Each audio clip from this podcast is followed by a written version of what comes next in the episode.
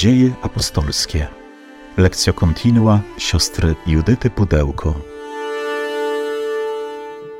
Powracamy do tekstu dziejów apostolskich, do tego słowa, które pokazuje nam tożsamość, wzrost, rozwój Kościoła, te wszystkie niezwykłe, cudowne rzeczy, które Pan Bóg dokonuje w jego historii. I coraz bardziej się już możemy przekonywać, że jest to również bardzo ludzka historia, przeniknięta e, ludzkimi słabościami, ludzką niemocą, przeciwnościami. E, I dzisiaj też zobaczymy kolejny moment, w którym trzeba będzie podjąć jakąś nowość, jakąś zmianę. E, to jednak jest tak, że Kościół nieustannie potrzebuje odnawiania e, w różnych wymiarach, przede wszystkim w tym wymiarze ludzkim. Oczywiście jest ten element niezmienny Boży, e, to co jest mm, fundamentem naszej wiary, co jest darem Bożym, co dokonuje sam Duch Święty. To jest faktycznie, zobaczymy, niezmienne i stałe. Natomiast te różne ludzkie elementy ponieważ my ludzie mamy różne uwarunkowania, ciągle domagają się jakichś mm, ulepszeń. I tak będzie tym razem. Spróbujmy też y, wyciszyć nasze serca, otworzyć się na dar tego słowa, które będzie nam dane. Prośmy o dar obecności Ducha Świętego pośród nas, tego, który zawsze sprawia, że to słowo staje się bliskie i bardzo też konkretne dla naszego życia. Przyjdź o Duchu Święty, przyjdź mocy Boga i słodyczy Boga. Przyjdź Ty, który jesteś poruszeniem i spokojem zarazem. Odnów nasze męstwo, wypełnij naszą samotność pośród świata Stwórz w nas zażyłość z Bogiem. Przyjdź duchu z przebitego boku Chrystusa na krzyżu. Przyjdź z ust zmartwychwstałego. Cały czas jesteśmy we wspólnocie jerozolimskiej. Jeszcze przez pewien czas ta wspólnota będzie się rozwijać i wzrastać na tym miejscu, które zostało jej dane jako początek. Tam wspólnota się rozrasta wokół dwunastu apostołów, oczywiście dzięki obecności Ducha Świętego. Y, I w tymże fragmencie, jak widzimy, już powoli zmierzamy do końca mm, tego, możemy powiedzieć, trwania w obrębie Jerozolimy bo to już taki mm, praktycznie ostatni etap, czy przedostatni etap przed końcowym etapem, który otworzy nam e, horyzonty i perspektywę e, na kolejne miejsca, gdzie Duch Święty będzie chciał dojść dzięki apostołom, gdzie będzie chciał dokonywać swoich dzieł, przede wszystkim budować Kościół. E, I dziś przyjrzymy się krótkiemu słowu które nam opowie o wyborze siedmiu. Do tej pory było dwunastu apostołów, a teraz pojawi nam się jakaś grupa siedmiu. E, I ten nasz kontekst cały czas sobie przypominamy, e, jak się nam tutaj dzieje w tej wspólnocie wspólnota się cały czas rozwija i również pojawiają się cały czas cuda i znaki uzdrowienia. E, również sam fakt, że wspólnota się rozwija, że ludzie się otwierają na wiarę. To wszystko sprawia, że chrześcijanie są coraz bardziej tutaj widoczni w Jerozolimie na tle wszystkich innych ugrupowań. No i oczywiście takie powodzenie E, takie przypatrywanie się im e, czy powiększanie się ich grupy budzi zazdrość przywódców żydowskich, a zwłaszcza e, tych świątynnych, bo jak pamiętamy, apostołowie nauczają na dziedzińcu świątyni i tam również dokonują się znaki. Także bezpośrednim tutaj naszym kontekstem był, była, było opowiadanie o uwięzieniu apostołów i z tego więzienia zostają wyprowadzeni przez anioła w bardzo tajemniczy sposób, po to, aby głosić Słowo Boże w świątyni znów. Także pamiętamy o tym, że nie ma takich przeciwności, które mogłyby zatrzymać głoszenie tego słowa, nawet uwięzienie, nawet takie możemy powiedzieć, jakieś fizyczne wręcz ograniczenie ich wolności. Pan Bóg sobie z tym doskonale radzi. E, I potem jednak bez użycia siły apostołowie stają przed Sanhedrynem, czyli przed Najwyższą Radą zwierzchników religijnych, zwierzchników żydowskich, żeby właśnie usłyszeć słowa sprzeciwu, słowa nagany i zapytanie, dlaczego głosicie w to imię, skoro wam to zostało zabronione. I oczywiście dla apostołów i dla Piotra, który jest tutaj y, znów wymieniony, jest to przestrzeń do głoszenia. Czyli moment prześladowania, moment jakichś pewnych nacisków, niedogodności jest momentem ogłoszenia kerygmatu, czyli tej dobrej nowiny o Jezusie Chrystusie. Y, właśnie kto jest powodem tego wszystkiego? Dlaczego my robimy to, co robimy? Ponieważ trzeba bardziej słuchać Boga aniżeli ludzi, i to jest pierwsza sprawa. Natomiast Kolejna sprawa właśnie to ogłoszenie wiary w Jezusa, który zmartwychwstał i żyje i to słowo nie jest głoszone po to, żeby dokonać zemsty na tych, którzy się przyczynili do ukrzyżowania Jezusa, jak oni myślą, ale właśnie po to, żeby pokazać wezwanie do miłosierdzia, do przebaczenia, e, do mm, uwolnienia od grzechu, czyli jest to absolutnie dobra nowina. I oczywiście te wszystkie słowa zamiast budzić otwarcie serca, rodzą zupełnie przeciwne reakcje. Przeciwnicy, członkowie Sanhedrynu są pełni gniewu, zazdrości, chcą zabić apostołów, i wtedy pojawia się, jak sobie powiedzieliśmy, drugi anioł, już ten w ciele, y, faryzeusz Gamaliel, który y, dzięki swojej bardzo mądrej i roztropnej mowie uspokaja emocje, zwraca uwagę na konieczność przyjrzenia się tej rzeczywistości, od kogo pochodzi. Jeżeli od Boga, nie będziecie mogli ich zniszczyć, a jeżeli od ludzi, no to podobnie jak to było e, we wcześniejszych przypadkach różnych pseudomesjaszy, ta sprawa i rzecz na pewno upadnie. Na pewno jej nie będzie. Więc to się staje takim, możemy powiedzieć, też motywem uwolnienia apostołów, którzy jednak oczywiście są napomnieni, wychłostani, przyjmują to wszystko z radością. E, powodem ich radości nie jest to, że są uwolnieni, ale że mogą przyjąć właśnie jakiś trud, czegoś doświadczyć e, również dla Jezusa, dla głoszenia Jego osoby. Mogą się w ten sposób niejako włączyć e, w dzieło zbawienia świata właśnie złączyć się z Jego krzyżem, z Jego cierpieniem. No i oczywiście to też tutaj jest bardzo widoczne i to jest widoczne we wszystkich innych momentach, że Kościół prześladowany rośnie i rozwija się. I święty Łukasz, autor dziejów apostolskich, nam to cały czas pokazuje, e, że prześladowanie sprawia, że Kościół rośnie. I to jest oczywiście wielka radość, ale z drugiej strony y, to rośnięcie no, pokazuje, że to, co było do tej pory, już nie wystarcza. Że będzie potrzebna pewna reorganizacja we wspólnocie, ponieważ no, nie da się wszystkiego już ogarnąć tymi siłami, które są do tej pory. Trzeba coś zmienić. Z dziejów apostolskich Wówczas, gdy liczba uczniów wzrastała, zaczęli heleniści szemrać przeciwko Hebrajczykom, że przy codziennej posłudze pomijano ich wdowy. Zwoławszy wszystkich uczniów, dwunastu rzekło: Nie jest rzeczą słuszną, abyśmy pozostawili Słowo Boże, a obsługiwali stoły. Upatrzcie zatem, bracia, siedmiu mężów spośród siebie, cieszących się dobrym świadectwem, pełnych ducha i mądrości im zlecimy to zadanie. My zaś oddamy się wyłącznie modlitwie i posłudze słowa.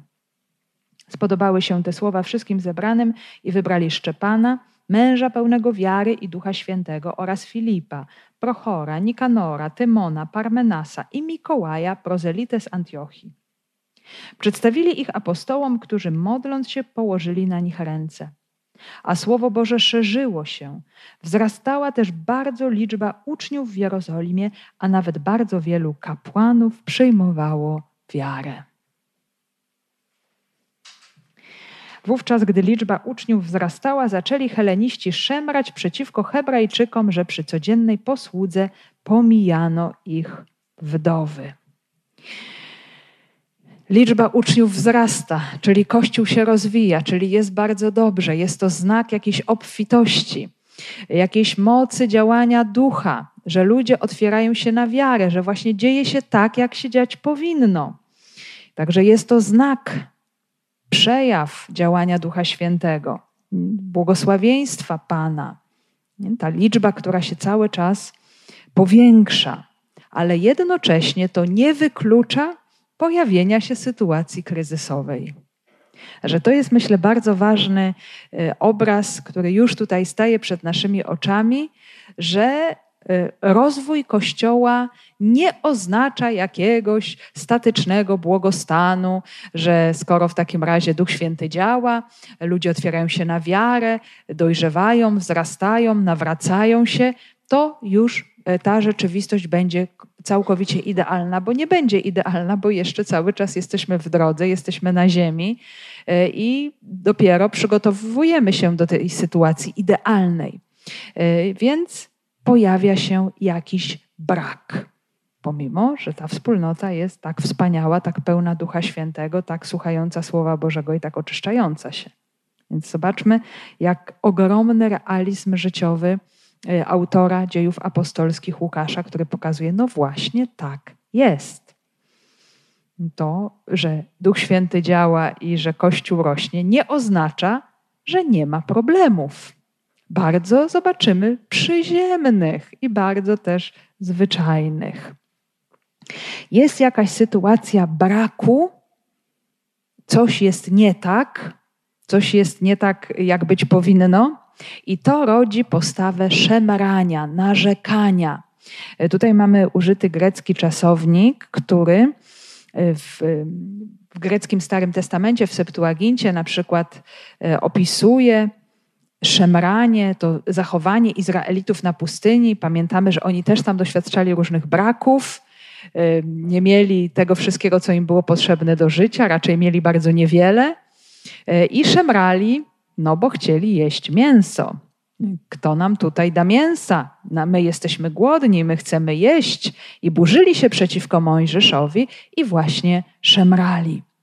I podobnie szemranie pojawia się w w momencie, kiedy inni z pokolenia Lewiego, bo wiemy, że tylko Aaron i jego synowie zostali wybrani do pełnienia służby kapłańskiej, do, tak dokładniej mówiąc, spalania kadzidła przed Panem, inni e, bracia, krewni z pokolenia Lewiego, no, czuli się jakoś pominięci w tej sytuacji, czuli się mniej ważni e, i szemrali również, bo oni też chcieli otrzymać to wielkie zadanie bycia kapłanami i palić kadzidło przed Panem. Jest taka bardzo trudna sytuacja, e, musi się potem dokonać próba, jak pamiętamy, jak nam mówi Księga Liczb, że właśnie Pan daje taki znak, że jedynie laska Aarona zakwitła.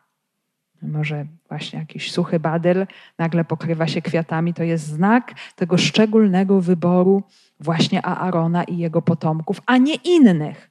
I to jest, moi drodzy, też bardzo ciekawa rzecz, ponieważ to, że nie wszyscy robią to samo i y, w tym naszym tekście też będziemy o tym mówić, to nie znaczy, że ktoś jest ważniejszy, mniej ważny, bardziej wybrany przez Pana, mniej wybrany przez Pana. Ktoś musi się smucić, mieć jakieś kompleksy czy zazdrościć. Nie. Pan Bóg przydziela różne zadania różnym osobom i po prostu tak jest. No niestety w ludzkich społecznościach tak bywa, że jedni patrzą na drugich i się porównują, i właśnie z tego wynikają takie różne napięcia i trudne sytuacje, właśnie. Także y, tutaj to zachowanie, ono oznacza wyrażanie niezadowolenia, które się jednak dokonuje nie wprost, nie całkiem bezpośrednio. No, to jest też coś takiego, co się często zdarza, bo, bo moi drodzy, zobaczcie, to nie jest wcale tak łatwo, e, jak coś jest nie tak, przyjść i tak prosto z mostu powiedzieć. No, może niektórzy mają taką łatwość w tym, ma, mają pewną też już wyrobioną asertywność, nie wszyscy to mają. Y, tutaj widać, że nie chodziło o takie powiedzenie od razu wprost, tylko o takie marudzenie pod nosem. No jak to? No czemu? No nas pomijają, no my jesteśmy gdzieś jacyś gorsi od kogoś innego, nie zwracają na nas uwagi, więc jakieś takie żale rodzą się w sercu, no ale jest to na tyle głośno powiedziane, że gdzieś wieść o tej sytuacji się jednak rozchodzi. I kto przeciw komu tutaj mruczy? E, otóż to szemranie dotyczy helenistów przeciw Hebrajczykom. No i czym się różnili jedni od drugich, bo nie ma tutaj jakichś wielkich różnic etnicznych, bo cały czas, jak widzimy, jesteśmy w Jerozolimie. To nie jest ani Azja Mniejsza, ani Grecja, y, gdzie byśmy mieli do czynienia z poganami. To są wszystko judeo-chrześcijanie. Tyle tylko, że heleniści są to Żydzi schelenizowani, czyli ci, którzy mówili po grecku. Y, jak sobie przypomnimy, drugi rozdział dziejów apostolskich, my już zaczęliśmy szósty, czyli zobaczcie, trochę ta historia już nam popłynęła do przodu, ale w drugim rozdziale mówiliśmy sobie o zesłaniu Ducha Świętego, o pięćdziesiątnicy i przy okazji tej pięćdziesiątnicy było w Jerozolimie dużo różnych ludów. Co to były za ludy? No to byli po prostu Żydzi z różnych diaspor, e, z różnych części Bliskiego Wschodu, e, i pewnie większość z nich mówiła po grecku, bo to był powszechny język używany czy w Azji Mniejszej, właśnie, czy w Grecji, zwłaszcza, czy również też w Italii.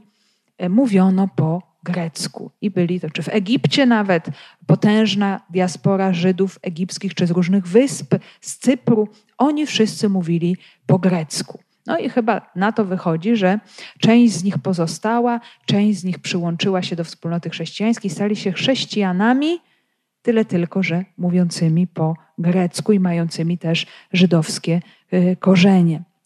Natomiast ci Hebrajczycy, no to są po prostu ci Żydzi, którzy mówią, y, no właśnie, wydaje się po hebrajsku, hebrajsku, aramejsku na co dzień mówią po aramejsku, modlą się po hebrajsku. Także i jedni, i drudzy są judeo-chrześcijanami, czyli chrześcijanami, którzy się wywodzą z kultury, wiary świata żydowskiego, ale już widzimy, że ten świat żydowski jest zróżnicowany, bardzo zróżnicowany.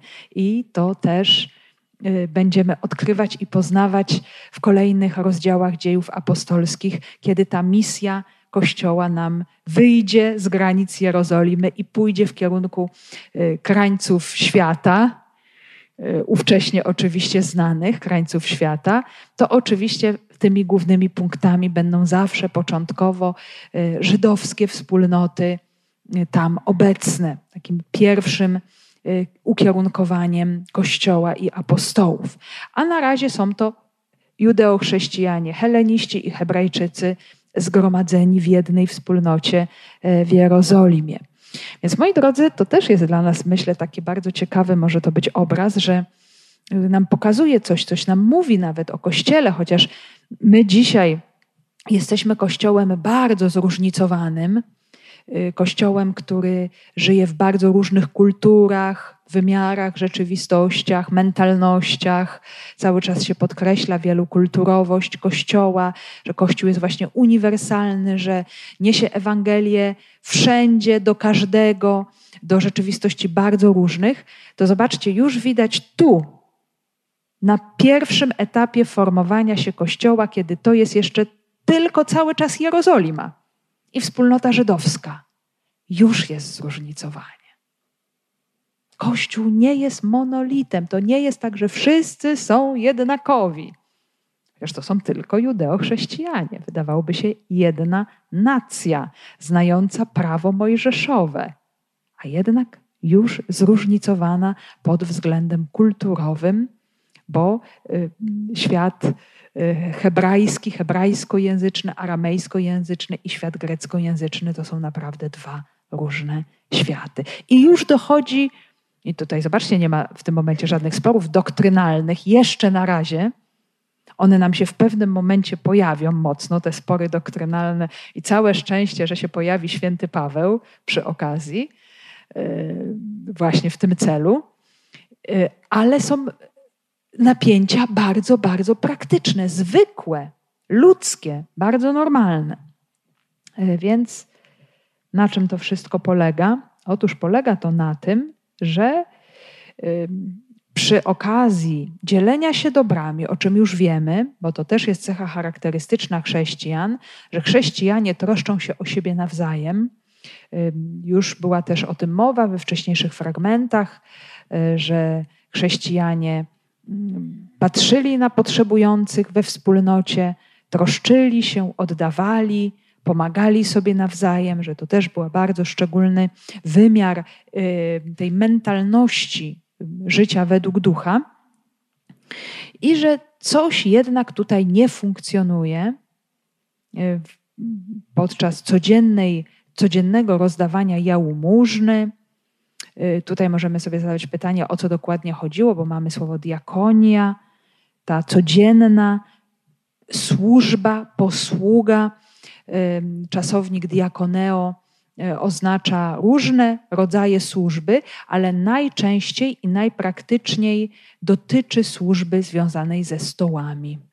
Diakon to był ktoś, kto służył przede wszystkim do stołu, czyli troszczył się o pożywienie dla innych. No i rozdzielano tę jałmużnę i się okazuje teraz, że niezbyt dokładnie, bo wdowy helenistów, czyli wdowy, żydowskie wdowy mówiące po grecku.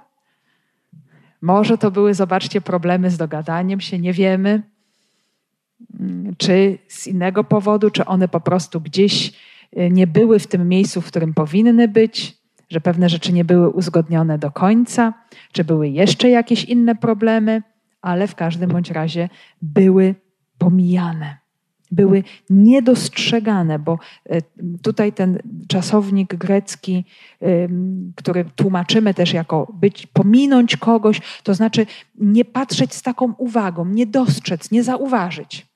No i też nie jest powiedziane, jaki był tego powód. Czy powodem było przepracowanie tych, którzy byli y, posługującymi, czy w tym momencie, na ten moment było to również zadanie apostołów, którzy robili wszystkie rzeczy możliwe naraz i mieli tego po prostu za dużo? Czy, była to, czy było to zadanie innych osób we wspólnocie albo kogokolwiek?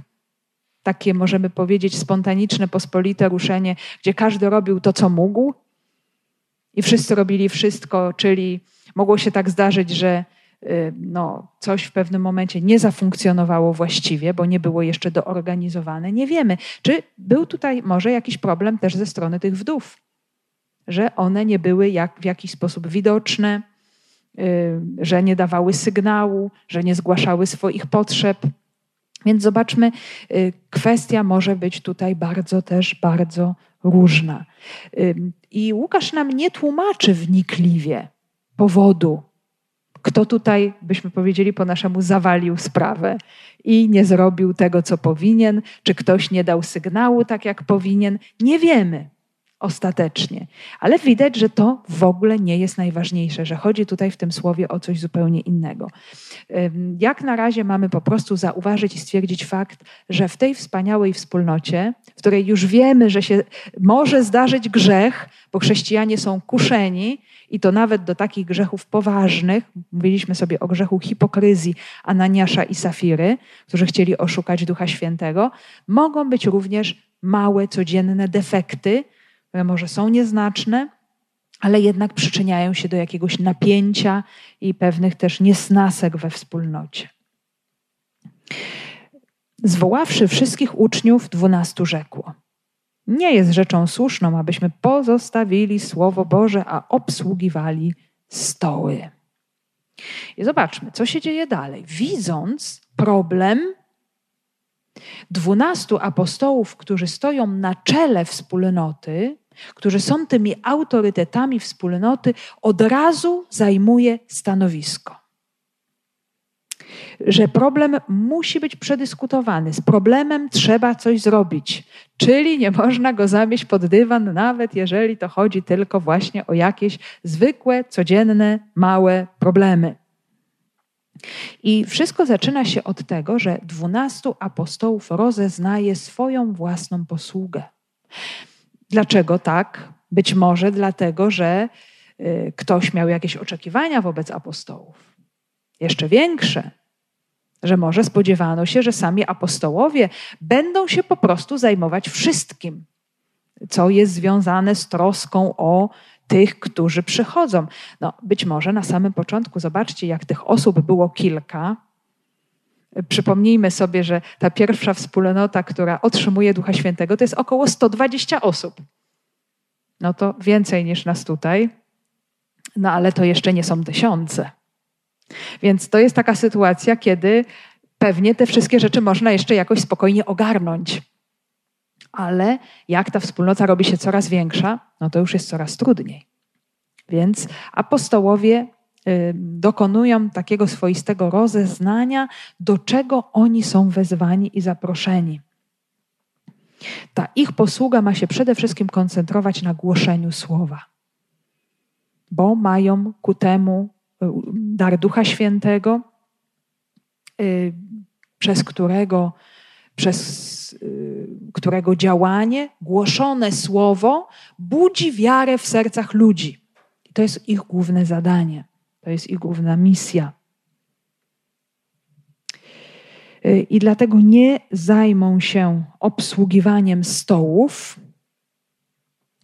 Y, za chwilę też usłyszymy, że oni to dokładnie doprecyzują, że mają się no, oni poświęcić właśnie też skoncentrować na stole słowa, Eucharystii, modlitwie, czyli na tym wszystkim, co służy temu stołowi, ale duchowemu, temu pokarmowi duchowemu w pierwszym rzędzie.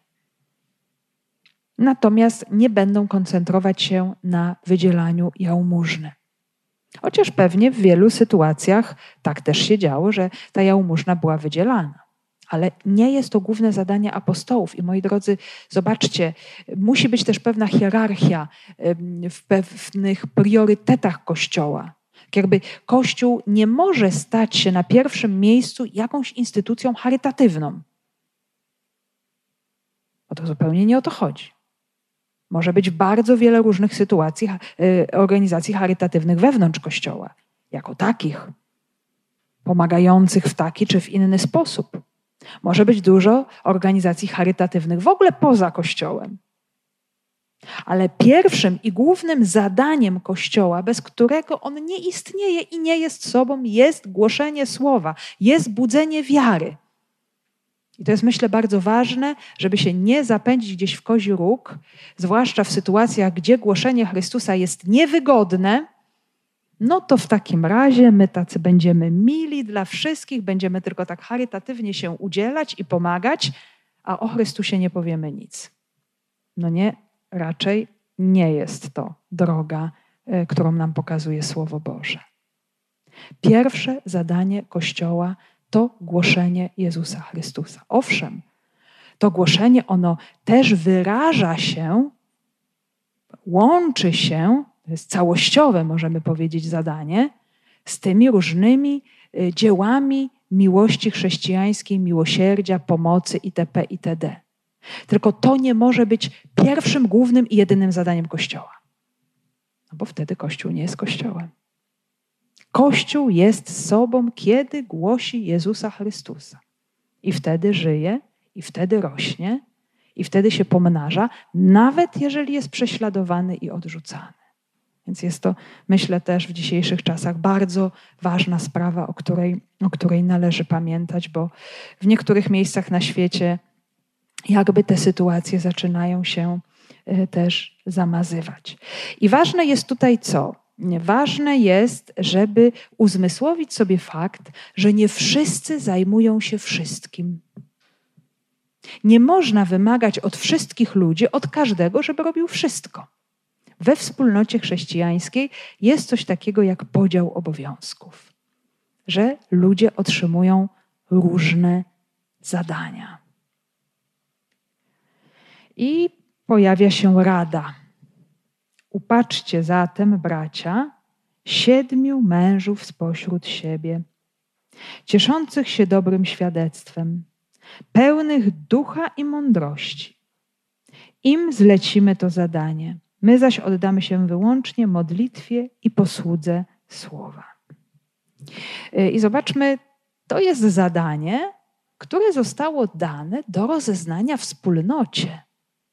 To nie jest tak, że teraz apostołowie sami wynajdują tychże ludzi, którzy otrzymają teraz nową misję, nowe zadanie. To sama niejako wspólnota e, ma dokonać rozeznania, ma znaleźć właściwe osoby, które mają obsługiwać stoły, czyli mają rozdawać jałmużnę, y, rozdzielać pokarm, dobra ubogim. I y, to ustanowienie mm, w tym przypadku możemy powiedzieć, bo apostołowie mają ten autorytet dany przez samego Jezusa Chrystusa, tutaj może łączyć się z tym y, obrazem, który Jezus pozostawił w Ewangelii Łukasza. Pan odpowiedział: Któż jest owym rządcą wiernym i roztropnym, którego Pan ustanowi nad swoją służbą, żeby rozdawał jej żywność we właściwej porze? To jest właśnie ten zarządca, ten sługa, ten diakonos, który ma służyć, ma się troszczyć, ma się opiekować. Oczywiście to rozdzielanie żywności znów my możemy traktować y, w różnych wymiarach bo taką posługę mają pełnić apostołowie, ale w tym wymiarze duchowym dawania Słowa Bożego, głoszenia Chrystusa. I, i otrzymają tutaj pomocników, którzy będą mieli szczególną pieczę o, o ten wymiar właśnie troski, y, rozdawania jałmużny, obsługiwanie stołów. Y, I też jest y, bardzo ciekawe podwójne kryterium wyboru, które stawiają apostołowie. Po pierwsze, mają to być ludzie cieszący się dobrym świadectwem.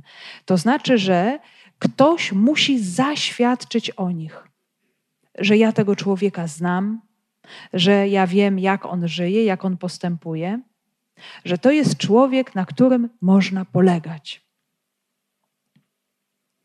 I druga sprawa, bardzo poważna, wypełnienie Duchem Świętym i mądrością. Czyli zobaczmy, bardzo wysoki poziom y, wymagań. I możemy sobie zadać pytanie: no jak to?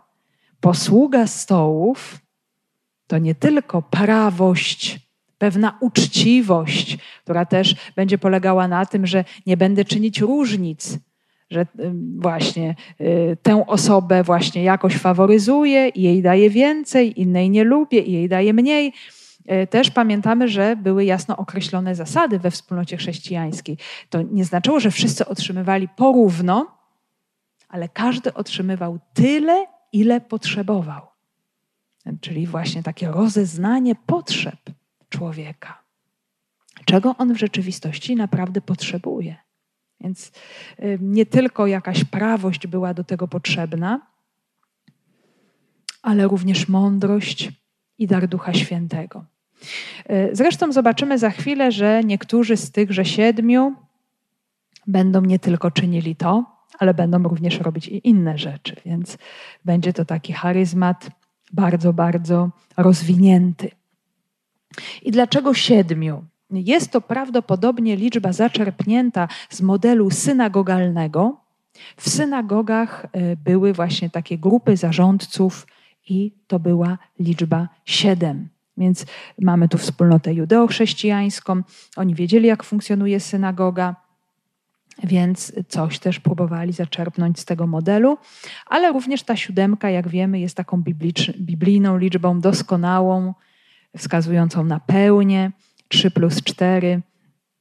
3 to jest liczba boska, 4 to jest symbol też świata stworzonego, czyli czterech żywiołów. Razem to daje nam pewną kompletność. siódmy dzień tygodnia, siedem właśnie, liczba szczególnie ważna też w judaizmie. Jest taka liczba pełni. Czyli może to też symbolizuje właśnie jakieś pragnienie kompletności tej posługi, żeby faktycznie ta posługa tej grupy ludzi we wspólnocie Kościoła wypełniała właściwie to, do czego została wezwana, zaproszona. Spodobały się te słowa wszystkim zebranym i wybrali Szczepana, męża pełnego wiary i ducha świętego, oraz Filipa, Prochora, Nikanora, Tymona, Parmenasa i Mikołaja Prozelitę z Antiochii. Także te słowa zapraszające wierzących, które padają z ust apostołów, zostają przyjęte w sposób entuzjastyczny. Bardzo ta rzecz im odpowiada. No i teraz trzeba właśnie tutaj przystąpić do rozeznania y, według właśnie tych kryteriów. Tutaj oczywiście wszystko jest tak spisane, że to dzieje się natychmiastowo, w jednej chwili i w jednym momencie.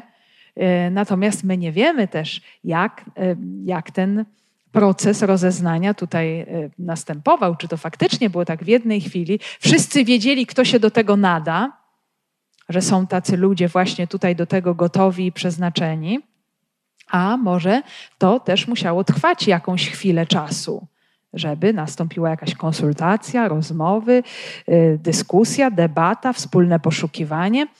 Y, zobaczcie, jakie to jest też piękne, że y, we wspólnocie Kościoła jest taka swoista kolegialność, czyli to wspólnotowe podejmowanie ważnych zagadnień, ważnych problemów że tutaj w tej sytuacji właśnie apostołowie dają propozycje, nie wybierają tychże ludzi sami, my sobie wybierzemy i my wam wyznaczymy teraz, kto ma się tym zająć. Nie ma czegoś takiego. Wy upatrzcie sobie, wy przypatrzcie się, wy zobaczcie, patrząc na całą wspólnotę, kogo mamy wyznaczyć. Zobaczcie, jakie piękne współdziałanie właśnie na tych różnych poziomach współistnienia w Kościele.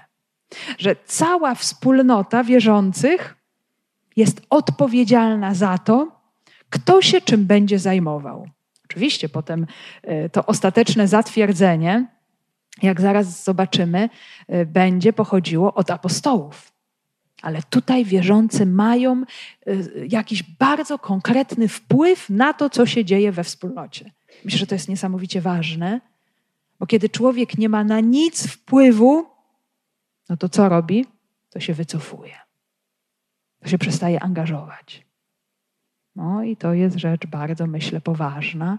Dlatego mm, to, że tutaj wspólnota ma jakiś wpływ, czyli może dać jakąś konkretną propozycję, no, jest to bardzo, bardzo ważne, bardzo rozwijające, sprawiające, że rośnie też poczucie odpowiedzialności za tę wspólnotę, że ja mogę coś konkretnego tutaj y, poradzić, zaproponować i, no i jeszcze się okazuje, że to zostaje wzięte pod uwagę. Więc y, no, jest to taki bardzo ważny, bardzo ważny też moment. Więc mamy wymienione imiona. Siedem imion. Siedmiu mężczyzn. I wszystkie te imiona są greckie. No, nie wiemy, czy to tak, że tutaj właśnie chciano też wyeksponować tych helenistów, żeby oni się nie czuli pokrzywdzeni. Ale no jest to fakt właśnie taki. Y, I pierwszy jest Szczepan. Szczepan będzie odgrywał bardzo ważną rolę. On się tam tutaj pojawia po raz pierwszy w dziejach apostolskich. Y, będzie dosyć długa jego historia, bardzo też dotkliwa i ważna. Zobaczymy, że y, właśnie ten dar, o którym jest tutaj mowa, jest on pełen wiary i Ducha Świętego. Tak samo jest opisany później w tekście dziejów apostolskich Barnaba, wielki apostoł i ewangelizator, pomimo że nie należał do, do grona dwunasty, był również uważany za apostoła. Y, I Szczepan będzie taką postacią przełomową, y, ponieważ się okaże, że nie tylko będzie obsługiwał stoły, ale będzie niesamowicie intensywnie głosił Chrystusa z wielką mocą ducha. I to doprowadzi do przelania jego krwi, jak doskonale pamiętamy. I to będzie moment niesamowicie przełomowy i niesamowicie płodny w kościele, bo z tej krwi zrodzi się misja, która wyprowadzi apostołów poza Jerozolimę. Tak. Tutaj mamy pewną ciągłość też, y, mamy potem dalsze odniesienie do tej samej osoby. Y, więc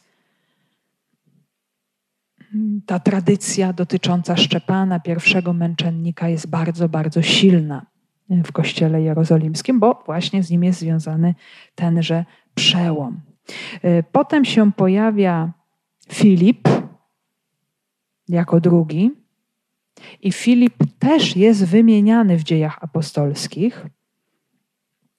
Jest on głosicielem, który zewangelizuje Samarię Czyli y, po męczeństwie Szczepana on uczyni następny krok. On wyprowadzi Ewangelię z Jerozolimy i y, ruszy krok dalej. To będzie też no, rzecz taka niesamowita, bo zobaczcie, ta Samaria zostanie zewangelizowana nie przez wielkiego apostoła, nie przez kogoś z grona dwunastu, tylko przez człowieka z grupy siedmiu. Już możemy powiedzieć niższa ranga. Ale Pan Bóg może się posłużyć kim chce do swojego dzieła. I co ciekawe, też czytamy o nim, że jest nazywany ewangelistą. Czyli zobaczcie, jest to nazwa nie tylko zarezerwowana dla tych, którzy spisali cztery Ewangelie. Nam to się tak kojarzy, że właśnie ewangelista to jest ten, który spisał Ewangelię. Mamy czterech ewangelistów. Jak się okazuje, tenże człowiek z, gro, z grupy siedmiu jest w samym Słowie Bożym nazwany ewangelistą. Wyszedłszy na zajutrz, dotarliśmy do Cezarei. Mówi nam Łukasz w 21 rozdziale dziejów. Weszliśmy do domu Filipa, ewangelisty, który był jednym z siedmiu. I zamieszkaliśmy u niego. Więc widać, że y, już też no, 21 rozdział to już jest y, misja Kościoła bardzo mocno rozwinięta na całym tutaj basenie Morza Śródziemnego. Y, I mm, Filip wcale też nie zasypuje gruszek w popiele, y, nie siedzi w Jerozolimie cały czas, ale tak jak duch posyła y, Kościół i dalej, dalej, dalej, krąży, działa, ewangelizuje, nie zatrzymał się na Samarii, dotarł do Mm, Cezarei nad morzem, y, tam głosi, tam ewangelizuje, czyli ewangelista to jest również, byśmy powiedzieli dzisiejszym językiem, ewangelizator. Ten, który głosi Jezusa Chrystusa, a Filip czynił to bardzo też skutecznie. Człowiek bardzo słuchający Ducha Świętego, ale będziemy sobie o nim mówić, jak dojdziemy do ósmego rozdziału. Pojawiają się kolejne imiona, y, i to jest Prochor, Nikanor, Tymon, Parmenas. I to są imiona bliżej nieznane.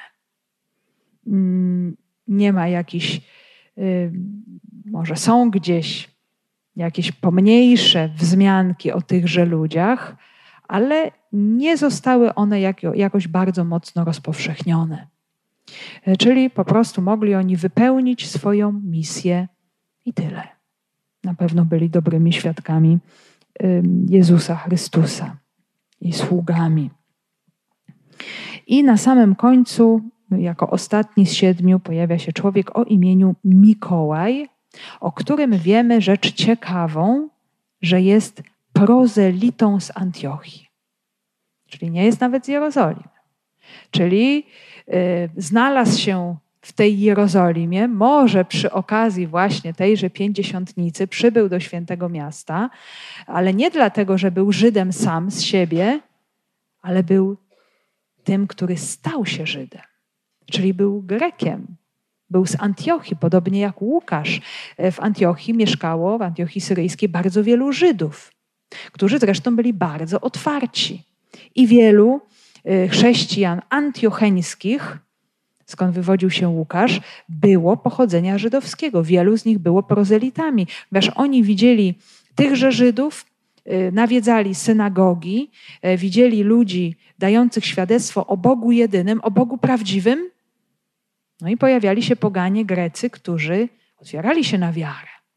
I Mikołaj jest właśnie takim człowiekiem. Czyli jest kimś, kto się stał Żydem, nie jest nim z urodzenia. Ale zobaczcie, to jest, to jest taka pierwocina. Y, jeszcze y, chwila, y, jeszcze chwilę musimy poczekać, zanim dojdziemy do pierwszych nie Żydów, pogan w kościele. Zaraz nam te kwiaty się pojawią, wyrosną nam jak grzyby po deszczu, po męczeństwie Szczepana. Ale tutaj już mamy taką zapowiedź tego, co się wydarzy.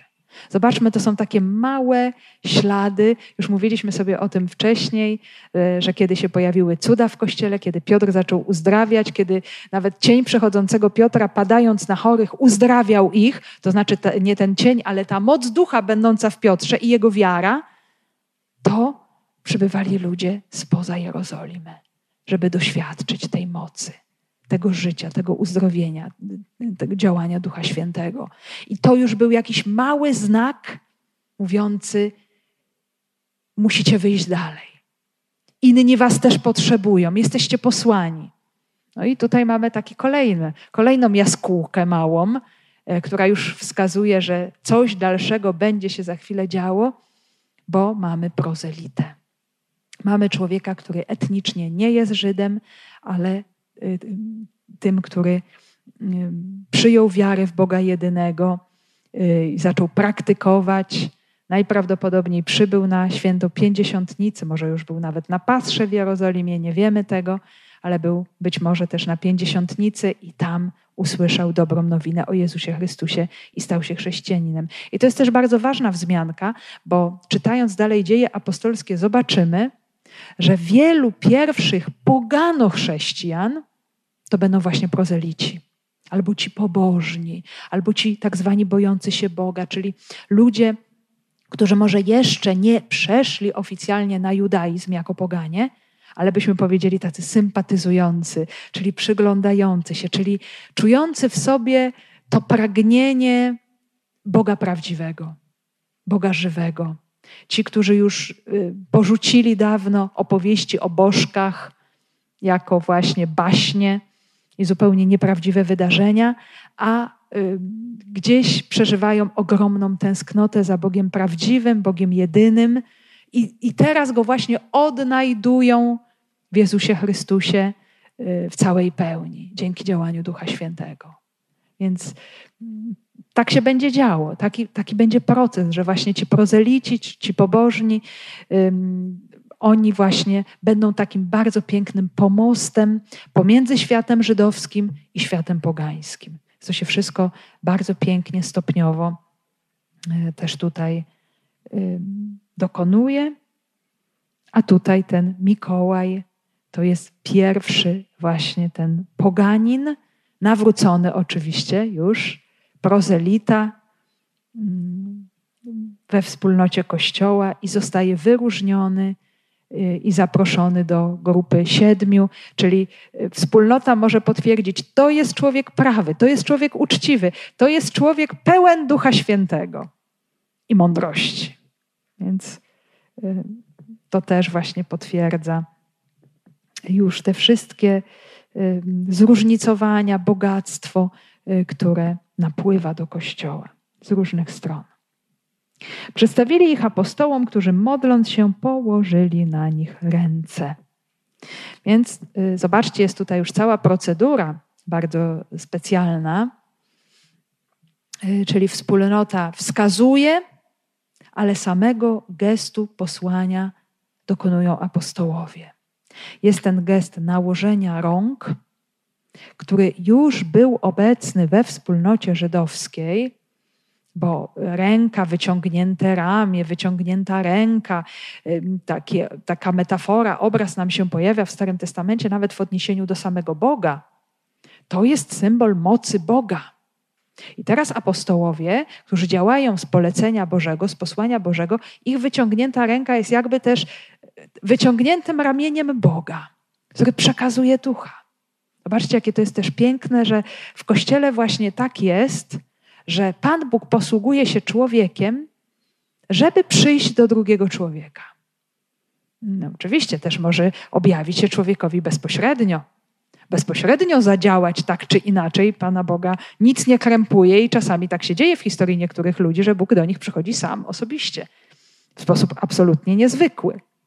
Ale taką zwyczajną, normalną drogą jest droga pośrednictwa ludzkiego, że są ci apostołowie, którzy są ustanowieni, żeby y, objawić to Boże działanie właśnie w takim geście, który jest również zaczerpnięty właśnie z judaizmu i sama w ogóle sam sposób przekazywania pewnej misji pełnomocnictwa, jak pamiętamy już na tym etapie y, Mojżesza y, i drogi przez pustynię.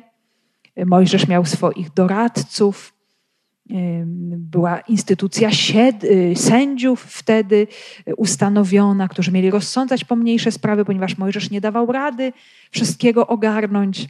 E, czy potem y, też było wylanie ducha na 70 starszych w obozie, żeby też byli takimi pośrednikami, więc ta zasada pomocniczości we wspólnocie ludu Bożego, ona jest już obecna w Starym Testamencie.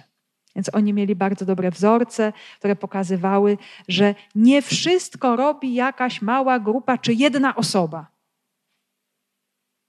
To nie jest jakaś monarchia.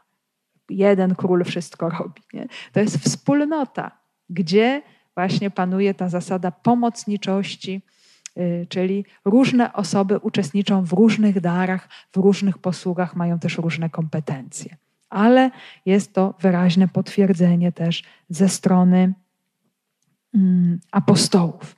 No i oczywiście rodzi się pytanie, czy to już jest instytucja diakonatu, ponieważ nam się pojawia tutaj to, to słowo diakoneo, obsługiwać stoły, diakonia, służba stołom.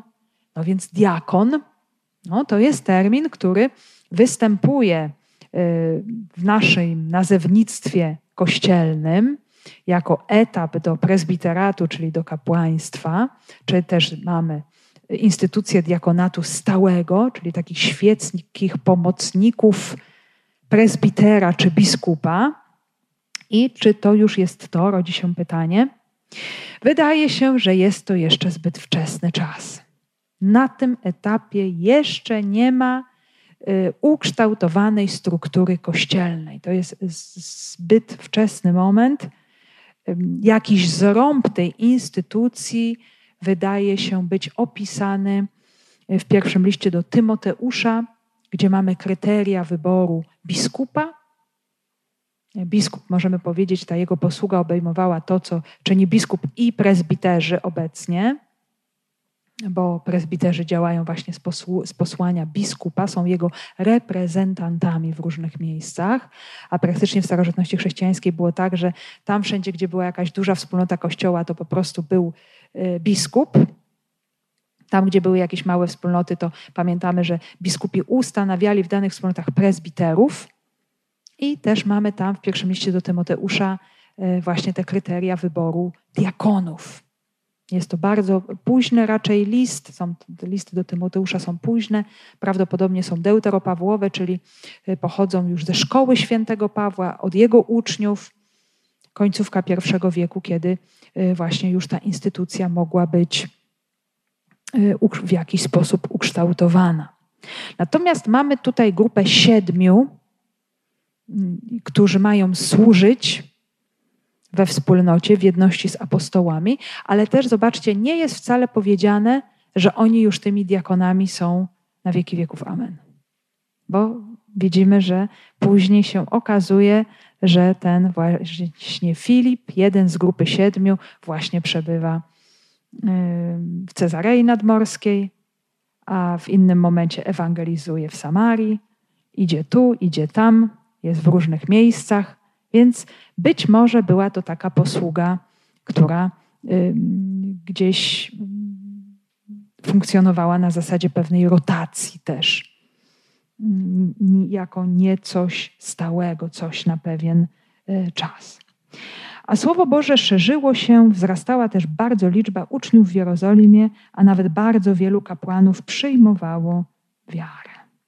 I tutaj pojawia się kolejne takie streszczenie, podsumowanie, bardzo typowe dla Łukasza, y, który chce pokazać, Słowo Boże dalej spokojnie się rozszerza, więc każdy robi to, co do niego należy, i w tym momencie ten problem, właśnie bardzo konkretny, został zażegnany. Czyli grupa siedmiu wspiera apostołów, apostołowie mogą głosić, nauczać, oddawać się modlitwie, przekazywać karygmat. No i y, też w efekcie cały czas grupa uczniów rośnie. Y, tutaj jest bardzo też ciekawa rzecz, ponieważ pojawiają się dwa słowa w języku greckim. Słowo Boże szerzyło się, wzrastała też bardzo liczba uczniów, to szerzyło się i wzrastała. Y, są to w wersji greckiej słowa, które w Septuagincie, czyli w Starym Testamencie w języku greckim, pojawiają się w Księdze Rodzaju na samym początku całej historii świata i człowieka i są tłumaczeniem hebrajskiego y, polecenia, które Bóg daje całemu stworzeniu, wszystkim istotom stworzonym i człowiekowi: bądźcie płodni i rozmnażajcie się. I to zobaczcie, ta sama sprawa dotyczy wspólnoty Kościoła. I tak jak Bóg na początku tych dziejów stwarza wszystko mocą swojego słowa, mówi, i tak się dzieje. Tak samo zobaczcie, teraz jest zupełnie tak samo. Bóg stwarza nową rzeczywistość przez swego ducha, przez ducha Jezusa. W jaki sposób? Dzięki głoszonemu słowu. Zostaje stworzony niejako nowy świat, nowa rzeczywistość, nowa jakość życia, nowy sposób życia, nowy człowiek, nowe stworzenie w związku z tym. Także nie jest to przypadek, myślę, że ewangelista Łukasz, święty Łukasz używa właśnie tutaj również w odniesieniu do Kościoła tego określenia. Także tu się wypełnia się w człowieku ten zamysł Boga. Także zobaczmy, y, ta płodność i mnożenie się może być na płaszczyźnie czysto ludzkiej, fizycznej, cielesnej. I jest to również, jest to ten pierwszy dar Boga, który w naturze swoich stworzeń żywych i najpełniej w naturze człowieka przekazał dar swojej boskiej płodności i życia, i siły życia. Ale zobaczcie, podobnie jest w wymiarze duchowym. Że podobne rzeczywistości się dokonują przez słowo i y, ktoś może nie mieć fizycznie dzieci, a może być płodnym i mnożyć się dzięki działaniu ducha w sposób niewiarygodnie wielki i silny. Więc jest to rzeczywistość. Jedna i druga pochodzi od Boga. I to działanie Boże również wyraża się w tym, że wiary przyjmują kapłani, czyli ci, którzy posługują w świątyni, ponieważ judaizm jeszcze na tym etapie jest związany e, ze świątynią w Jerozolimie.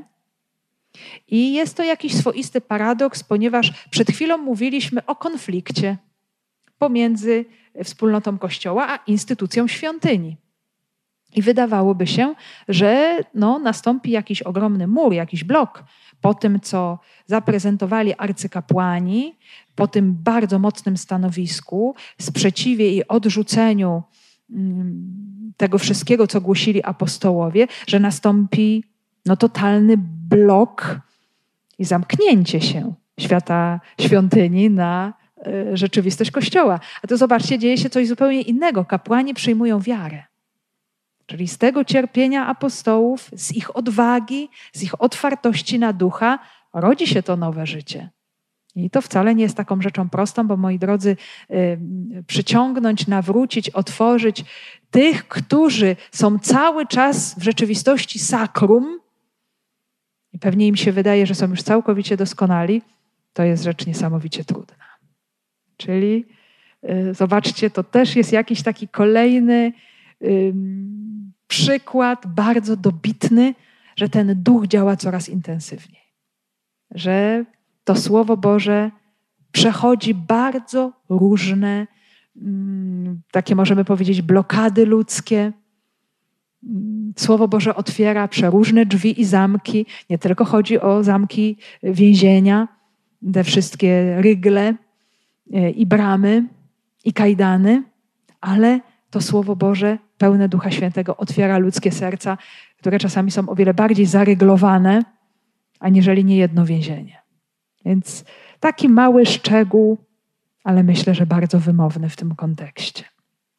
W każdym bądź razie to będzie się wiązało dalej z tym, że te prześladowania nie ustaną, że to będzie kolejny punkt e, bardzo trudny, e, rodzący napięcie e, właśnie w, w przywódcach religijnych, synagogi i to będzie szczególnie widoczne w całym procesie związanym ze Szczepanem właśnie.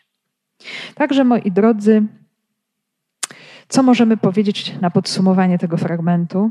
To, że wyszliśmy od sytuacji kryzysu, jakiegoś braku, braku chleba, braku, możemy powiedzieć, dobrej organizacji działania, a dochodzimy do rzeczywistości rozwoju, błogosławieństwa i nowego życia. Więc nie ma takiej trudnej sytuacji, z którą Duch Święty by sobie nie poradził, ale co jest potrzebne? Y, ta otwartość ze strony człowieka. To jest to, żeby również ci ludzie, którzy powinni zająć jakieś stanowisko i szukać możliwości poprawy sytuacji, żeby coś zrobili w tym celu. I jak widzimy, tutaj apostołowie od razu zauważyli problem, od razu go wzięli y, tutaj na y, tapetę i się tym we wspólnocie zajęli. Gdyby to pozostawili bez dialogu, bez dyskusji, bez szukania, na pewno ten problem by urósł no, do niebotycznych wymiarów. Ale rzeczywistość została bardzo szybko rozwiązana i okazało się, że apostołowie nie boją się zmian. Że są otwarci na różne innowacje, i to jest, moi drodzy, dopiero początek. Bo największa rewolucja, jak pewnie się spodziewamy, no to będzie wejście już pogan do kościoła. To już będzie wielka rewolucja i to będą już wielkie debaty. Ta jest jeszcze na razie taka bardzo malutka i y, bardzo przychylnie, jednogłośnie i jednomyślnie przyjęta przez wspólnotę, ale pojawią się naprawdę poważne problemy. I Kościół również będzie stawiał temu czoło. Więc y, nie ma takiej sytuacji, w której Duch Święty nie miałby coś do powiedzenia, do zmienienia, ulepszenia i tego się trzymajmy. Że nie żyjemy w instytucji, która jest monolitem, ale jesteśmy w domu, w którym jest życie i cały czas trzeba być w nurcie tego życia otwartym na to, co Duch Święty przynosi. Więc ym, rozeznanie, rozwiązanie problemu i jednocześnie owoc który pokazuje, że to życie jest i to życie się, moi drodzy, pomnaża i niech się również tak dzieje w naszym życiu.